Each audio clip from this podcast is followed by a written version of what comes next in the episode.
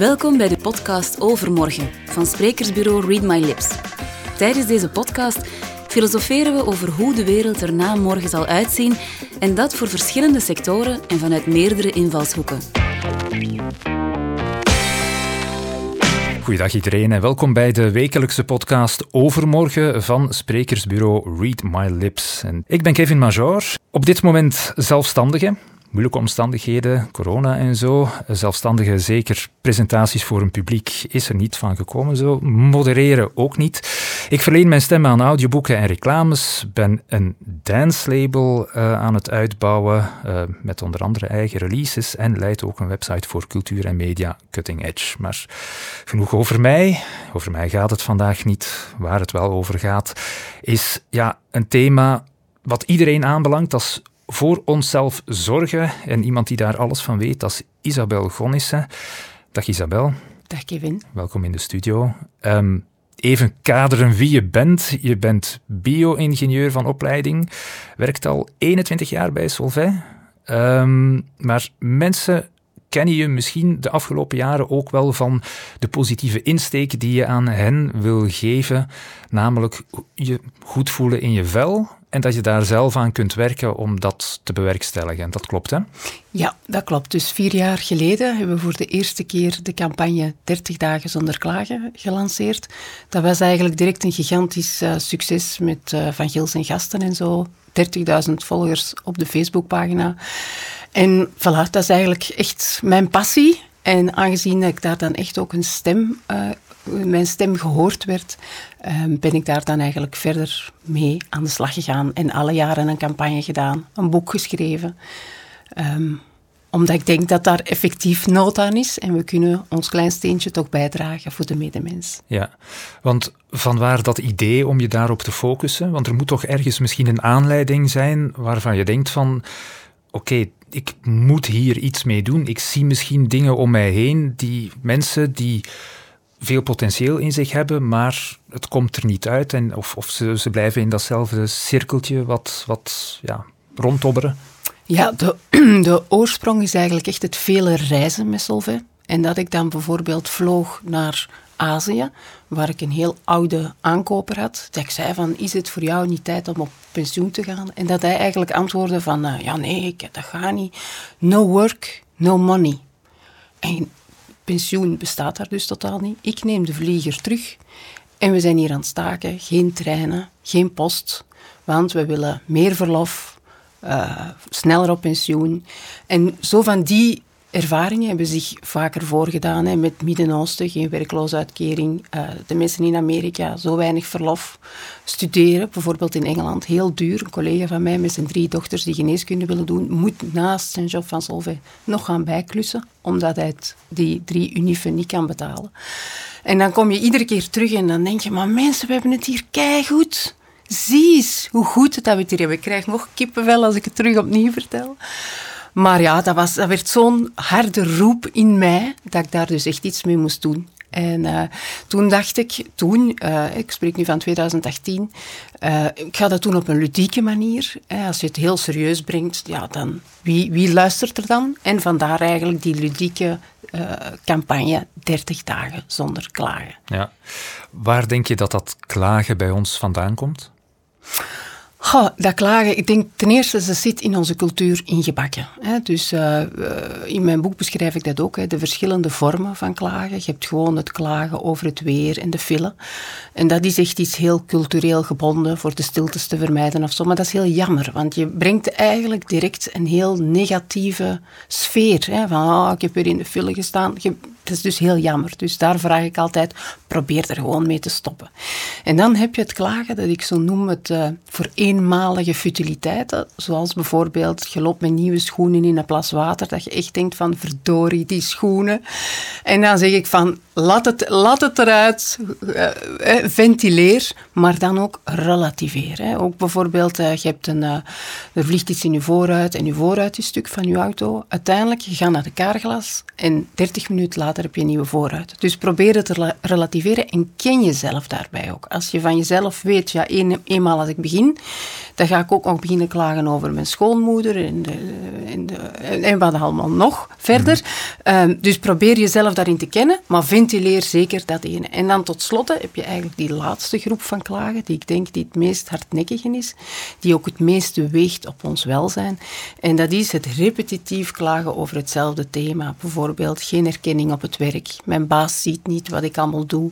Of de collega's die schuiven al het werk op mij af of je partner die niet voldoende doet in het huishouden. En dan zie je toch bij heel veel mensen dat die blijven vasthangen aan zo één onderwerp dat steeds terugkomt, zonder dat ze dan eens bekijken van oké, we zijn nu in deze situatie, wat kunnen we daaraan doen om mijn welzijn te verbeteren? Mhm. Is dat dan omdat mensen denken van uh, er moet een soort van deus ex machina komen die het voor mij gaat oplossen? En, en dat ze daarom niet denken van ik kan dit misschien zelf in een ander traject krijgen? Ja, dat is mooi gezegd. Ik denk dat dat zeker is dat, we, dat er vaak toch verwacht wordt dat de buitenwereld verandert. Hoewel dat het allemaal in jezelf eigenlijk begint. Dus uh, dat, dat, speelt zeker uh, een hele belangrijke rol. En, en bijvoorbeeld, de, dat is ook een beetje de, de perceptie van geluk. Hè. Als ik die job heb, dan ben ik gelukkig. Als ik mijn eigen huis heb, dan ben ik gelukkig. En nu ook, hè, als corona gedaan is, dan ben ik gelukkig. Maar ik denk dat dat een foute perceptie is. Ik denk dat het, dat het anders is en dat je echt moet gaan zeggen van oké, we zitten nu in deze situatie, wat kan ik hier zelf aan doen? Ja, het C-woord is gevallen. In de Verenigde Staten betekent het C-woord iets helemaal anders, maar, maar hier misschien intussen ook al corona. Um, maar ja, als je dan in zo'n situatie zit waar je een beetje vast in zit en, en je op een bepaalde manier je eigen geluk niet echt vindt, dan komt dit erbij. Dat maakt het niet makkelijker. Nee, absoluut niet. En dat wil ik ook zeker niet, uh, niet, uh, niet weglachen of niet, niet minimaliseren. Integendeel.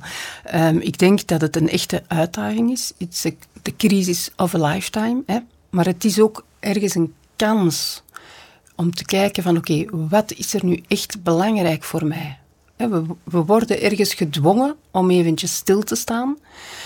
En dat, het is ook een kans om na te denken van wat wil ik nog doen met de rest van mijn leven? Wat wil ik, wie zijn... We worden met onze neus op de feit ge, ge, gedwongen om te zeggen van... Ehm, uh, wie is er voor mij belangrijk? Want alleen die mensen kan ik zien. We, we, worden geconfronteerd met we hebben het leven niet in de hand, want er kan ineens een virus zijn. En dus echt genieten van iedere dag, genieten van alles wat we nu hebben. Ik denk dat dat heel belangrijk is. Ja. Is dat soms omdat we, ja, we hebben het goed, je hebt het daarnet ook gezegd, we hebben het eigenlijk goed dat we dat allemaal een beetje als vanzelfsprekend beschouwen en daardoor als er dan iets, wat, ja, iets van tegenslag is, of een grotere tegenslag, hè, bijna een jaar, dat, dat het, ja, het leven toch een beetje ontwricht is, dat daardoor dat zo hard aankomt van, dat is weg.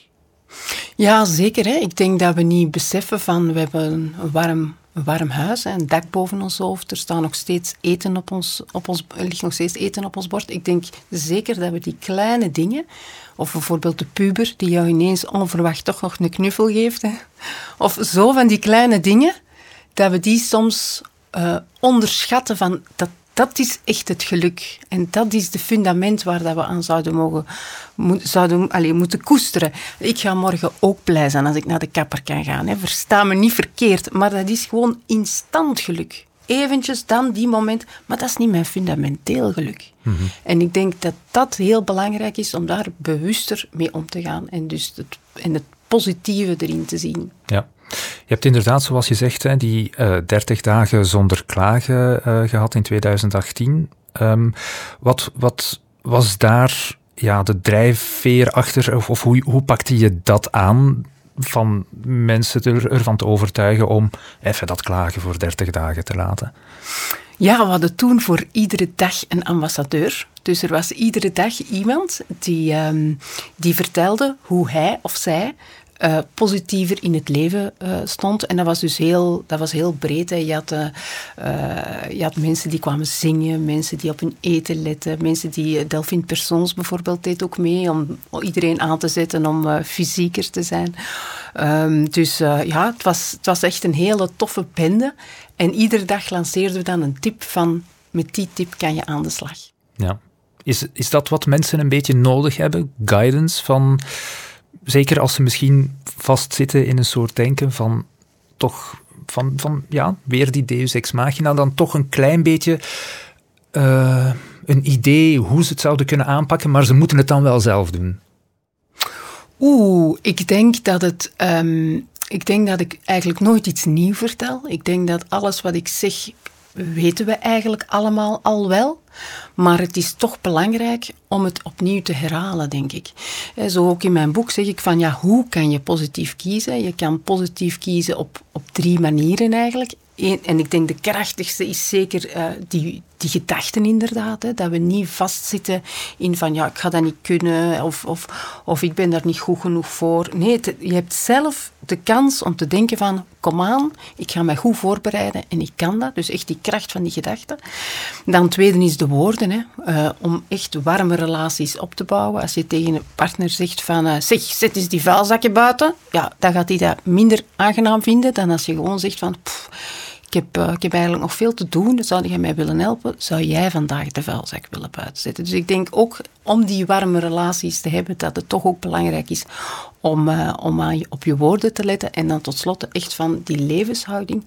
Hoe je Um, hoe je in het leven staat. Hè. Als je direct uh, in een donkerstraat iemand met een kap verdenkt van die haalt hier subiet een mes boven, ja, dan, dan sta je ergens gewoon je eigen geluk in de weg. Dus het is echt ook die levenshouding. Heb je vertrouwen in je medemens? Uh, en al die zaken. Dat ik denk dat het heel belangrijk is. En gewoon van dat te herhalen, dat mensen denken van ja, eigenlijk misschien wel. En ook voorbeelden aan te halen. Hè. Mm -hmm. Bijvoorbeeld uh, Stephen Hawkins kon op zijn dertigste niet meer stappen. Kon op zijn veertigste niet meer spreken, enkel nog via de computer. Die man heeft dan in mijn ogen eigenlijk echt het recht om te zeggen van mijn leven is voorbij. Hè zouden denken. Uh, ik, ik, kan niks niet meer, kan niet meer stappen, kan niet meer praten. Maar wat heeft hij gedaan? Die heeft gezegd van, ik heb kei goede inzicht in, in wetenschap, in wiskunde, ik ga dat toch nog doen. Ja, en dan denk ik van, dat zijn toch voorbeelden waar we moeten zeggen van, als, als hij het kan, dan kan jij het ook. En, en um, mijn motto is eigenlijk ook echt van, uh, we maken allemaal, echt iedereen, dingen mee die we liever niet zouden meemaken. Maar de vraag is, hoe ga je ermee om? Ja. Um, ik denk dat het, het positivisme, dat dat inderdaad iets is wat zeer hard moet uitgedragen worden en dat je ook een klein beetje moet in je omgeving hebben.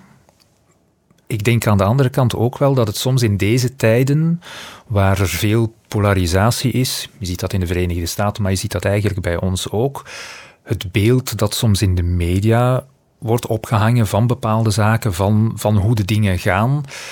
Ja, soms doet er dat geen deugd aan natuurlijk, denk ik. En is, is het voor jou ook belangrijk dat daar in media, in nieuwsuitzendingen, radio, uh, tv, dat daar, dat daar toch meer aandacht voor is om ook dat positieve regelmatig te benadrukken, dat ook in moeilijke omstandigheden er mogelijkheden zijn om ja, het een positieve draai te geven. Absoluut, en dat vind ik een schitterend voorstel. Dat is, ik denk inderdaad, we worden zo overspoeld door negativiteit. Hè.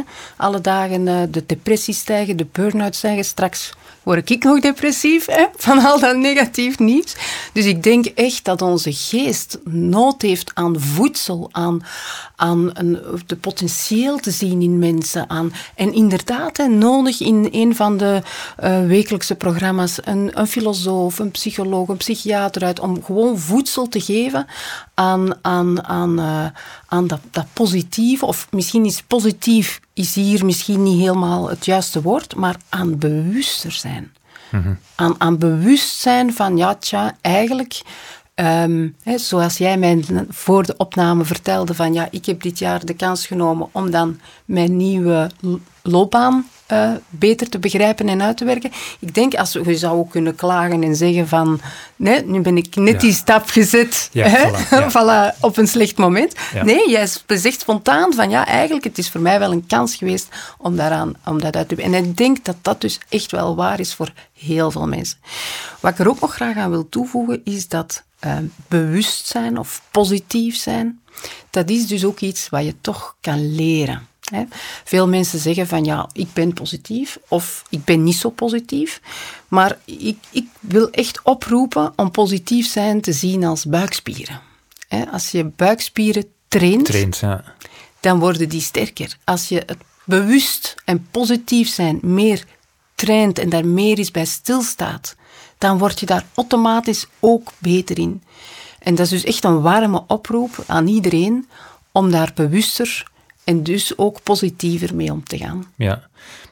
Wat, wat zouden dan bijvoorbeeld de eerste stappen kunnen zijn om, hè, want dat is natuurlijk ja, hoe, hoe pak je dat aan? Hoe kun je inderdaad bewuster? Want mensen denken van, ja, maar ik ben toch bewust van hoe ik ben en, en hoe ik doe. En, maar, om daar dan toch op die andere manier, die andere visie daarin te laten sluipen, hoe, hoe pak je dat aan? Dat is een hele goede vraag. En in, eigenlijk in alle campagnes van de 30 dagen uh, zonder klagen, en nu de huidige campagne is Inzicht, probeer ik telkens heel verschillende invalshoeken te brengen. Dus ook hè, in die allereerste uh, campagne, zoals ik daarnet zei, over uh, iemand probeert ons meer te doen bewegen, iemand doet het met muziek. nu, ik interview, ik heb Dirk de Wachter mogen interviewen, ik heb Lieve Annemans mogen interviewen. Ik probeer echt vanuit heel veel verschillende invalshoeken um, inzicht dan nu in dit geval aan te reiken, in de hoop dat iedereen daar iets in kan vinden van zegt van dit is het dat voor mij doe, hier kan ik mee aan de slag. Ja, want dat is het belangrijke. Hè? Um, er is niet een homogene bevolking. Iedereen is een beetje anders, heeft zijn eigen achtergrondgeschiedenis, familiale omstandigheden, al dat soort dingen. Al die elementen ja, zorgen ervoor dat je op een bepaalde manier in het leven staat en zorgen ervoor dat je ja, je goed, niet goed, tussen de twee in je, in je vel voelt. Ja, dat is heel, ja, denk ik, heel persoonlijk soms hoe je dat dan moet gaan, die mentaliteit of, of dat idee bij gaan turnen, denk ik. Ja, en absoluut. En stap 1 is dus echt ervoor openstaan. Echt zeggen van, oké, Ehm, zelfs als je misschien diep van binnen denkt van, ja, ik geloof er eigenlijk niet. Toch gewoon eens, probeer het gewoon eens. Probeer het gewoon eens. En ook in mijn lezingen, ik geef vaak heel veel tips. En ik zeg iedere keer erbij van, probeer het. Hè? Je hebt niks te verliezen, probeer dat nu eens gewoon. En misschien is dat wel nu net hetgeen dat werkt voor jou. Hm. Ja, ik, ik zelf denk vaak, als er één iets is wat mensen kunnen, dan is het zich aanpassen aan nieuwe omstandigheden. Er is, wij, kunnen ons, als we daar inderdaad open voor staan, kunnen aanpassen aan een nieuw gegeven. Is dat een nieuwe woonst? Is dat een nieuw werk? We, we passen ons altijd aan, maar je moet daar soms is die eerste drempel om die daarover te gaan, dat is de moeilijke stap. En een keer dat die dan gezet is, dan ben je misschien vertrokken, niet? Ja, maar ik denk hetgeen wat je nu aanhaalt, zijn actieve keuzes van de mensen zelf. Mhm. Ehm, ik denk dat we toch ook allemaal heel hard gewoontebeestjes zijn. dat is ook een van de dingen die ik oproep in mijn boek. Bekijk je gewoontes eens. Neem die eens onder de loep. En dus heb ik ook schrik, ik heb eigenlijk echt wel best schrik, dat we nu ook gaan hervallen in de red race dat we vroeger allemaal in leefden. Dus ik, ik, ik, ja, je zegt je, we kunnen ons aanpassen. Ik hoop het. Allee, nu moeten we. Maar ik hoop toch ook dat we die goede dingen die er nu gekomen zijn, dat we die kunnen koesteren in combinatie met dan eens naar de kapper en op restaurant te gaan. ja, dat zou inderdaad welkom zijn. Ehm, is, is, is dat nu iets waar, waar ook werkgevers een belangrijke rol in kunnen spelen? Want ja, mensen spenderen natuurlijk heel veel tijd met hun familie met, met een gezin, met, met vrienden. Maar ja, een werkgever neemt natuurlijk ook wel heel veel van je tijd in beslag.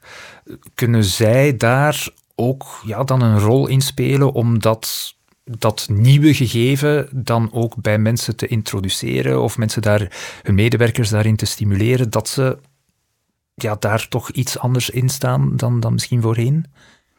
Ja, ik denk dat dat nu, de dag van vandaag, zeker zo is. Hè. Dus we werken massaal allemaal van thuis, of toch heel veel onder ons. Dus ineens werd de werkgever wel verplicht om zijn mensen te vertrouwen en vast te stellen dat het dus eigenlijk toch ook echt wel werkt. En ik denk dat daar eigenlijk de, is het keyword is gevallen, hè, het vertrouwen. En gewoon echt weten van elkaar, wij willen hetzelfde doel bereiken. Um, en dus op die manier, en ik, ik denk toch wel echt dat er iets van dat virtuele gaat overblijven na corona. Dus op dat vlak ben ik uh, minder ongerust. Um, het is gewoon veel efficiënter. Uh, om op één dag uh, ben ik zowel in uh, Barcelona als in Berlijn als in Londen. Allee, dat kan allemaal vandaag. Ja. Terwijl vroeger was het heel tijds- en kost... allee, kosten het veel, en, tijd en, en centen. Dus ik ja. denk zeker dat, dat, dat er dingen van gaan blijven. Ja. ja. Maar het menselijke mogen we natu natuurlijk nooit vergeten. Absoluut. Binnen een, een, organisatie, maar natuurlijk ook, ja, ik denk dat mensen een zucht van verlichting zullen, of van verlichting, verlichting, zullen, zullen slaken als ze, als ze terug eh, elkaar kunnen zien, op café kunnen gaan, iets gaan eten, dat soort dingen. Want dat houdt natuurlijk ook die balans wel recht, hè? Zeker. Allee, ik, uh, die, het menselijke contact is niet te onderschatten. Allee, dat, dat moeten we toch wel ook wel heel duidelijk zeggen. Dat ik niet zeg, laten we vanaf nu de virtuele wereld leven. Zeker niet, zeker niet. Want ik denk net juist die, die verbondenheid met elkaar, dat je je ook gesteund voelt in, in, in, in je, met je kleine en je grote zorgen of je nieuwe projecten. Ik denk dat dat toch een heel belangrijk is. En dat is dus ook gewoon met vrienden op café. Ja. Um, dat je voelt dat die ook uh, dat die begrip hebben voor jou of dat die ook een bepaald doel hebben dat je hen dan kan steunen. Dus nee, ik denk dat is zeker een van de mooie aspecten van het leven. Dus, uh, ja.